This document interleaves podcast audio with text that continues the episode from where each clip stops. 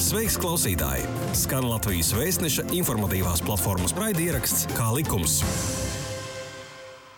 Labdien! Mani sauc Inese Helmane. Skan oficiālā izdevēja Latvijas vēstneses raidieraksts Kā likums. Šodien mūsu sarunas tēma ir dzīvesvietas deklarēšanās. Likums nosaka, ka personai ir pienākums deklarēt savu dzīvesvietu. Taču Dzīvesvietu var deklarēt jebkurā īpašumā, kuram piešķirta adrese, pat neapbūvētā zemes gabalā vai vasaras mājā, kas ziemā dzīvošanai nav piemērota. Nereti LV portāls saņem jautājumus par deklarēšanās kārtību, par tiesiskajām sekām, ja kāds ir deklarējies viņa īpašumā. Šodien saruna par šiem jautājumiem ar Pilsonības un migrācijas lietu pārvaldes juridiskās nodaļas juristi Ievu Ozolu. Labdien, Ieva! Labdien! Tātad dzīves vietas deklarēšanās likums nosaka, ka personai mēneša laikā ir jādeklarē savu dzīves vieta. Taču daudz cilvēku tagad dzīvo dinamiski, ir kustībā. Vienu brīdi strādā Latvijā, pēc mēneša jau izbrauc uz ārzemēm, un pēc kāda laika atkal atgriežas Latvijā. Kāpēc vispār likums nosaka nepieciešamību deklarēt savu dzīves vietu? Dzīves vietas deklarēšanas likuma mērķis ir panākt, lai ik viena persona būtu sasniedzama tiesiskajās attiecībās ar valstu un pašvaldību. Ziņas par personas deklarēto dzīves vietu ir nozīmīgas, jo tās tiek izmantotas ne tikai saziņā ar attiecīgo personu, bet arī konstatējot, piemēram, attiecīgās pašvaldības iedzīvotāju skaitu. Jo, piemēram, pēc deklarētās dzīvesvietas pašvaldības budžetā tiek ieskaitīta personas samaksātā ienākuma nodokļu daļa, pēc deklarētās dzīvesvietas tiek noteikts personas tiesības piedalīties attiecīgās pašvaldības domas vēlēšanās. Un šīs ir tikai dažas lietas, bet tāpat tās deklarētai dzīvesvietai tiek piesaistīti arī pabalsti, pašvaldību izlīdzināšanas fonds, kompensācijas par skolēniem, kuri brauc uz citu pašvaldību mācīties, un arī sociālā palīdzība. Nu, Tātad dzīvesvietas deklarēšanās fakts kā tāds ir samērā nozīmīgs, vai ne? Ai, jā, bet uh, ne tik nozīmīgs, kad uh, visi šie uh, papildus apstākļi tiek uh, piemēroti, es pat nezinu, kā īsti pateikt. Bet galvenais dzīvesvietas deklarēšanas likuma mērķis ir panākt, lai ik viena persona būtu sasniedzama. Jā, dzīvesvietas maiņas gadījumā tātad attiecīgajai personai ir pienākums mēneša laikā deklarēties jaunajā dzīves vietā. Sakiet, lūdzu, kā pat labi notiek dzīvesvietas deklarēšana, kādas ir iespējas to darīt? Lai deklarētu dzīves vietu, personai ir vairākas iespējas. Pirmkārt, elektroniski portālā Latvija LV, izmantojot e-pakalpojumu dzīvesvietas deklarācijas iesniegšanu. Otra iespēja ir pašvaldībā, kurā atrodas attiecīgā dzīves vieta. Uh, šajā gadījumā personai būs jāierodas personīgi, jāuzrāda personu apliecinošs dokuments un jāizpild dzīvesvietas deklarācija. Uh, trešais variants ir arī vērsties pilsonības un migrāciju lietu pārvaldē, bet uh, šajā gadījumā jāpiemina, ka dekorēt dzīvesvietu pilsonības un migrāciju lietu pārvaldē ir iespējams uh, šauram personu lokam. Piemēram, personām, attiecībā uz kuru pilsonības migrāciju lietu pārvalde ir pieņēmusi uh, lēmumu par tiesiskā statusa noteikšanu vai uzturēšanās atļaujas, reģistrācijas apliecības vai patstāvīgās uzturēšanās apliecības izsniegšanu. Ja persona deklarē dzīvesvietu klātienē, pašvaldībā, tad ir jāveic valsts nodevu samaksa. Tas ir 4,27 eiro apmērā. Savukārt, deklarējot dzīvesvietu portālā LV, šis pakalpojums ir bezmaksas. Un sakiet, kā tas no, kā deklarēšanās notiek tagad, kad ir Covid laiks? It īpaši, ja mēs tagad zinām, ka ārkārtējo situāciju pagarinās līdz 6. aprīlim. Uz šo jautājumu es nevarēšu, nemācīšu atbildēt, jo mēs nezinām, kā katra pašvaldība organizē savu darbu. Bet, bet Pilsonības un migrācijas lietu pārvalde ir kaut kā mainījusi savu darba specifiku tieši Covid laikā, ja ir palicis tas pats regulējums, par ko jūs tikko stāstījāt. Pārvaldē ir palicis tas pats regulējums, kad pilsonības un migrāciju lietu pārvalde datus ievada no uzturēšanās atļaujas anketām vai iesniegumiem. Mhm. Tātad dzīvesvietu var deklarēt jebkurā īpašumā, kuram piešķirt adresi pat neapbūvētā zemes gabalā vasaras vai vasaras mājā. Savulaik Pret to iebilda Latvijas pašvaldības savienība, atbalstot deklarēšanos tikai dzīvojamās telpās. Sakiet, lūdzu, šāda iespēja deklarēt dzīvesvietu nedzīvojamās telpās varētu būt kā izņēmuma gadījums ārkārtas situācijā uz laiku līdz sešiem mēnešiem, jeb tā ir tāda nu, vispār pieņemta kārtība arī citviet Rietumē Eiropā. Gribu norādīt, ka ne jau dzīvesvietas deklarēšanas likums var atļaut vai aizliegt personai dzīvot attiecīgajā nekustamajā īpašumā. Jo gadījumā, ja persona tomēr dzīvo šajā nekustamajā īpašumā, kuram nav sakārtots jautājums par īpašumu izmantošanas veidu, tas ir normāli, ka persona paziņo savu patieso dzīvesvietas adresi, kurā kura tā dzīvo un ir sasniedzama, pat ja skaitās, ka kā nedzīvojama telpa, jo dzīves vietas deklarēšanas likuma mērķis nav noteikti, kur persona var vai nevar dzīvot, bet gan nodrošināt, ka visi, kam ir pienākums deklarēt dzīves vietu, ir sasniedzami tiesiskajās attiecībās ar valsti un pašvaldību. Uh, Dotajā brīdī dzīvesvietas deklarēšanas likums paredz, ka ir jābūt nekustamajam īpašumam ar adresi, kas ir adrešu reģistrā, ir jābūt tiesiskam pamatam būt deklarētam attiecīgajā nekustamā īpašumā, un personai ir jābūt sasniedzamai deklarētajā adresē. Par nedzīvojamām telpām regulējums nav pieņemts saimā, jo jautājums par dzīvesvietas deklarēšanu ir uh, tikai dzīvojamās telpās nav viennozīmīgs, jo vienlaicīgi ar iecerēto aizliegumu deklarēties nedzīvojamās telpās, tāpat tika paredzēti arī izņēmumi. Piemēram, ja persona dzīvesvietas deklarāciju personiski iesniedz pašvaldībā un pierāda, ka dzīvo šajā īpašumā, tad viņai ir tiesības deklarēt dzīves vietu. Uh, jānorāda, ka Latvijas pašvaldības savienība ar šo iniciatīvu vēlējās piespiest personas sakārtot viņu īpašumu statusu. Proti, lai personas gadu desmitiem ne, nedzīvotu, piemēram, jaunbūvēs, Bet, manuprāt, šis jautājums būtu jārisina ar attiecīgo jomu regulējušiem tiesību aktiem, nevis ar eh, dzīvesvietas eh, deklarēšanas likumu. Jā, bet vēl ir diezgan absurda, manuprāt, diezgan absurda situācija, ja tomēr cilvēks reģist, nu, deklarējās vasaras mājā, kurā ziemā viņš nemitinās.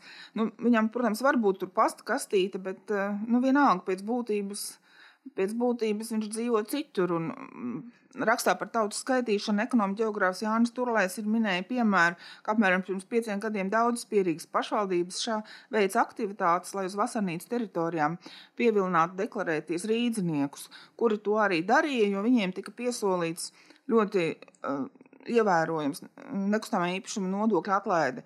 Savukārt nu, tām pierīgas pašvaldībām atkal uh, bija interese saņemt šo, šo cilvēku iedzīvotāju ienākumu nodokli. Tātad deklarēšanās, deklarēšanās iespēja kā labumu gūšana abām pusēm. Jo, kāda vispār ir gadījuma, kad cilvēki deklarē savā īpašumā, bet reāli tur nav sasniedzami?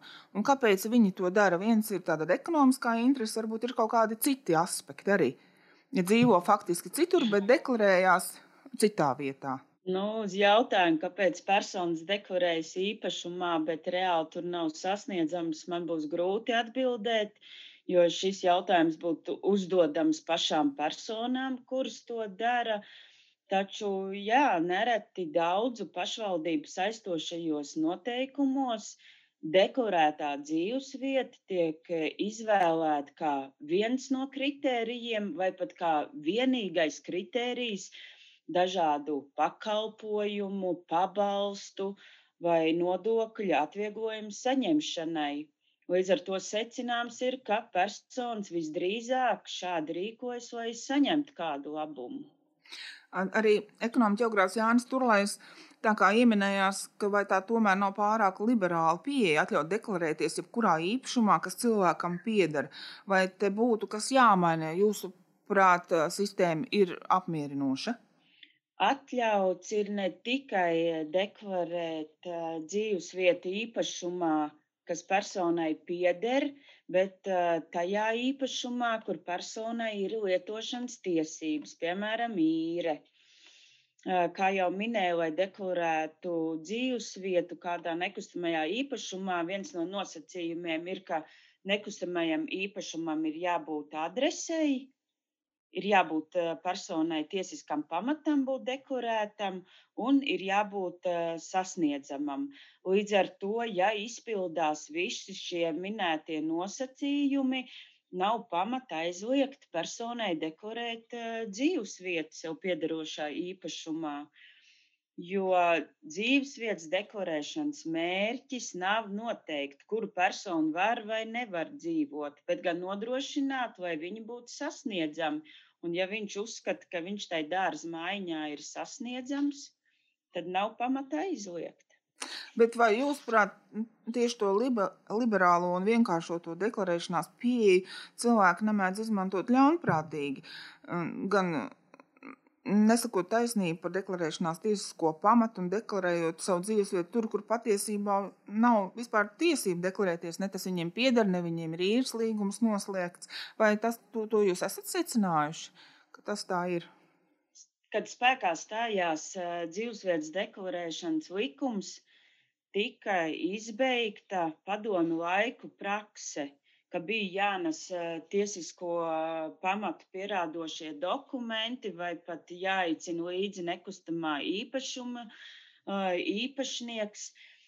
Mm, jā, Pilsonības un migrāciju lietu pārvalde maksimāli ir vienkāršojusi deklarēšanās kārtību, proti, ka personas dzīvesvietu var deklarēt arī elektroniski, izmantojot portālu Latvijā LV pieejamo pakalpojumu.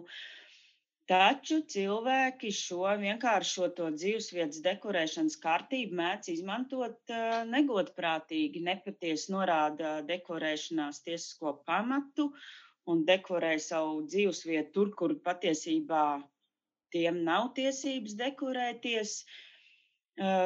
Tādējādi secināms, ka vājais punkts dzīvesvietas deklarēšanas kārtībā ir pašas personas attieksme, jo, kā jau vairāk kārt esmu pieminējusi, ka dzīvesvietas deklarēšanas mērķis ir panākt personas sasniedzamību.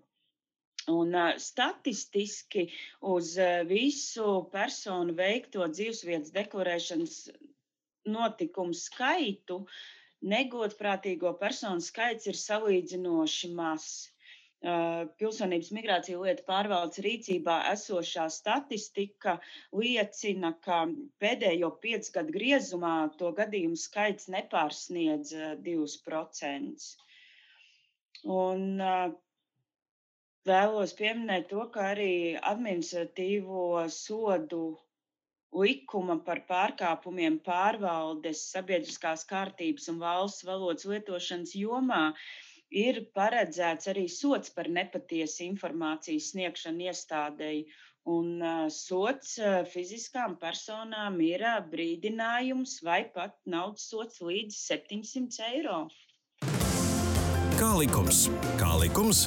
Jā, tu klausies Latvijas Vēstneša informatīvās platformas raidierakstu Kā likums? Kāda riska pastāv, ja um, īpašniekam privātu mājā vai dzīvoklī ir deklarēta sveša persona? Tiesi, tiesa likums nosaka, ka dzīvesvietas deklarēšanas fakts pats par sevi nerada civiltiesiskas saistības, taču LV portāls saņem jautājumus, kur cilvēki par to uztraucās, ka viņu dzīvesvietā ir deklarējušās nezināmi cilvēki. Nekustamā īpašuma īpašniekam attiecībā uz īpašuma tiesībām nepastāv nekādi riski. Ja viņa privāti mājā vai dzīvoklī ir deklarēta sveša persona, Un kā jau minējāt, jo dzīvesvietas deklarēšanas fakts pats par sevi nerada civiltiesiskas saistības. Svešas personas dzīvesvietas deklarēšanas fakts nekustamā īpašuma īpašniekam var radīt vienīgi nērtības. Piemēram, kā paskastītē regulāri tiek ievietota ne viņam adresēta sūtījuma. Vēl neskatoties uz to, ka dzīvesvietas deklarēšanas mērķis ir sasniedzamība tiesiskajās attiecībās ar valstu un pašvaldību, piemēram, deklarētajai dzīvesvietai ir arī piesaistīts maksājums par atkritumu izvešanu. Līdz ar to nama apsaimniekotājs aprēķina atkritumu izvešanu attiecīgi par katru nekustamā īpašumā deklarēto personu, bet uh, Citi riski īpašniekam nepastāv.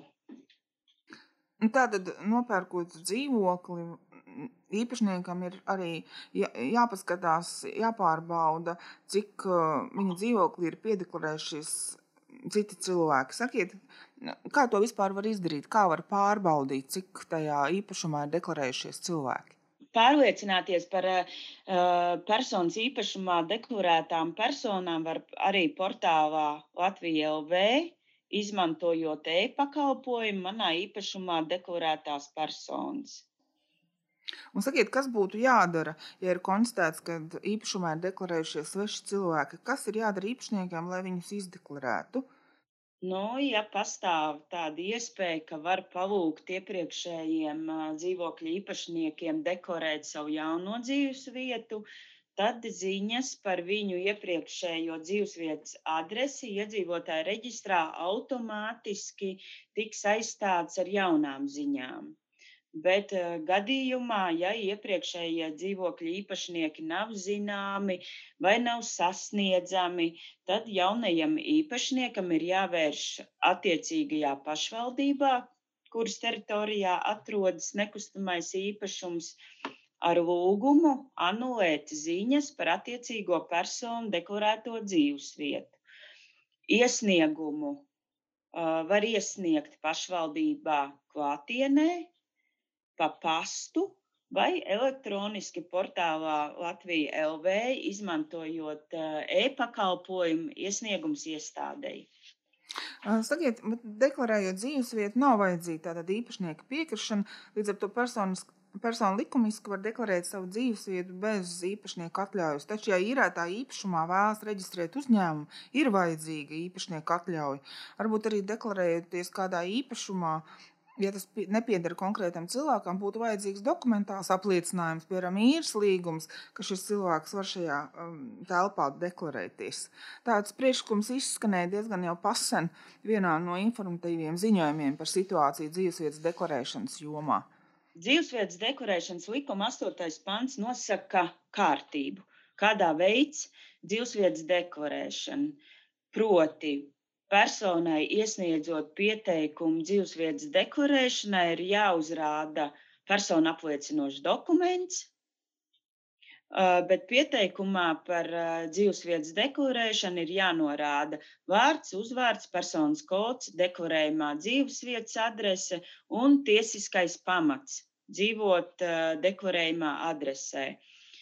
Gadījumā, ja persona deklarējot eh, dzīvesvietu kā tiesisko pamatu ir norādījusi īres tiesības, tad neskatoties uz to, ka likums neparedz uzrādīt īres līgumu, īres līgumam ir jābūt jebkurā gadījumā. Nu, savādāk var iznākt, ka ir sniegtas nepatiesas ziņas.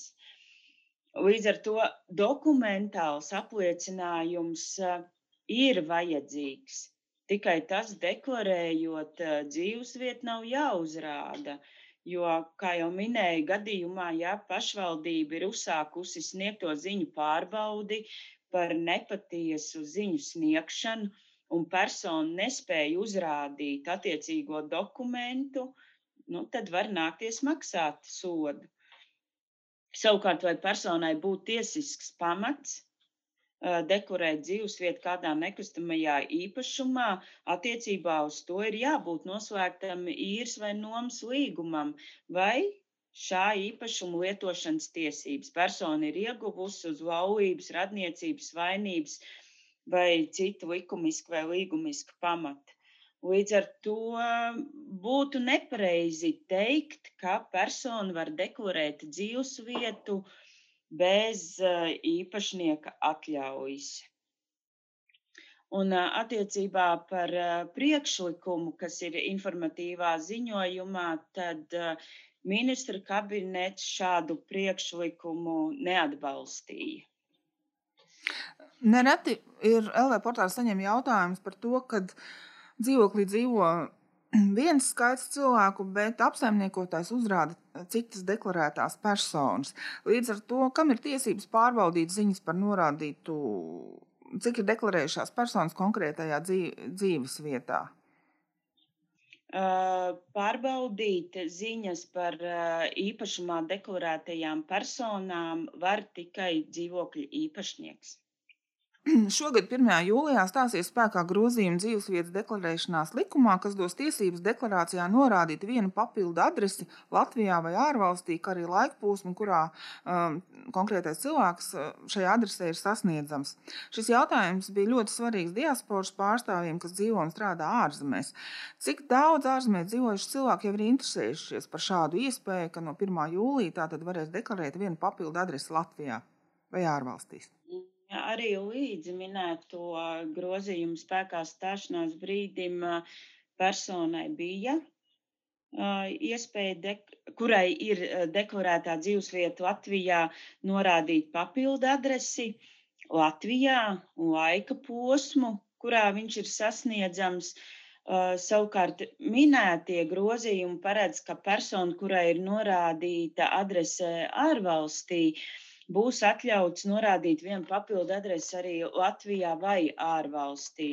Un šie grozījumi vairāk ir attiecināmi uz diasporu locekļu iespēju papildus dzīvesvietas adresei ārvalstī norādīt arī vienu adresi Latvijā. Atbilstoši statistikas datiem, kuri man ir uz 2019. gada 1. janvāra, kad tapa šie grozījumi, nepilni 14,000 personas ir norādījušas papildu adresi. 98% ir norādījuši tikai vienu papildu adresi. 240 personas ir norādījuši divas 18 personas, 3, 5 personas, 4, 3 personas ir norādījušas 5, 2 personas 6 un 1 persona ir norādījusi pat 7 papildu adreses. Nu jā, bet tagad būs tā, ja persona ir deklarējusies ārvalstīs, tad, tad viņa no 1. jūlija varēs norādīt vienu papildu adresi Latvijā vai ārvalstī. Ja? Jā, jā. Mhm. Bet nu, es saprotu pēc statistikas, ka interesi tomēr ir par šādu papildus adreses iespēju. Uh, ir, un tas ir vairāk jā, saistībā ar diasporas locekļiem. Mhm. Sa saistībā ar dzīvesvietas deklarēšanos, deklarēšanos un vispār anulēšanas kārtību gan saimā, gan valdībā dažādas diskusijas par izmaiņām iet jau nu, gadus desmit. Uh, Tomēr pie nekāda kopsaucēja gala rezultātā ne darba grupas, ne nav nonākušas. Sakiet, kādi varētu būt pilsonības un migrācijas lietu pārvaldes priekšlikumi, lai sakārtotu dzīvesvietas deklarēšanās un anulēšanas kārtību? Jeb, tā, jeb nekas nav jādara, viss ir kārtībā. Kāds ir jūsu viedoklis? Nu, pilsonības un migrācija lietu pārvaldes ieskatā būtu liederīgi, kā arī citos normatīvajos aktos, tostarp pašvaldības saistošajos noteikumos, ziņas par deklarēto dzīves vietu nebūtu noteikts kā vienīgais kritērijs, kāda labuma pabalsta saņemšanai, jo tas rada personām tieksmi pārkāpt tiesību normās noteikto un sniegt nepatiesas ziņas. Bet uh, pagaidām Pilsonības un migrācija lietu pārvalde nekādas grozījumus nav iecerējusi veikt dzīvesvietas deklarēšanas likumā. Paldies par sarunu! Jūs klausījāties raidierakstu kā likums. Šī bija iknedēļas pusstunda kopā ar oficiālā izdevēja Latvijas vēstneses informatīvās platformas raidierakstu Kā likums. Pastāsti citiem, ja bija noderīgi un interesanti. Kā likums, tiekamies ik trešdienu!